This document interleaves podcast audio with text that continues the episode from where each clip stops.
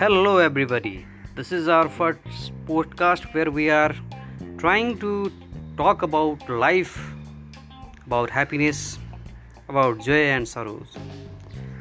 We will be talking about this different subject matter with different angles. So, this is our first podcast that we are going to make, and this is just a trial session and if we became success on this session we will begin our full life issues. Thank you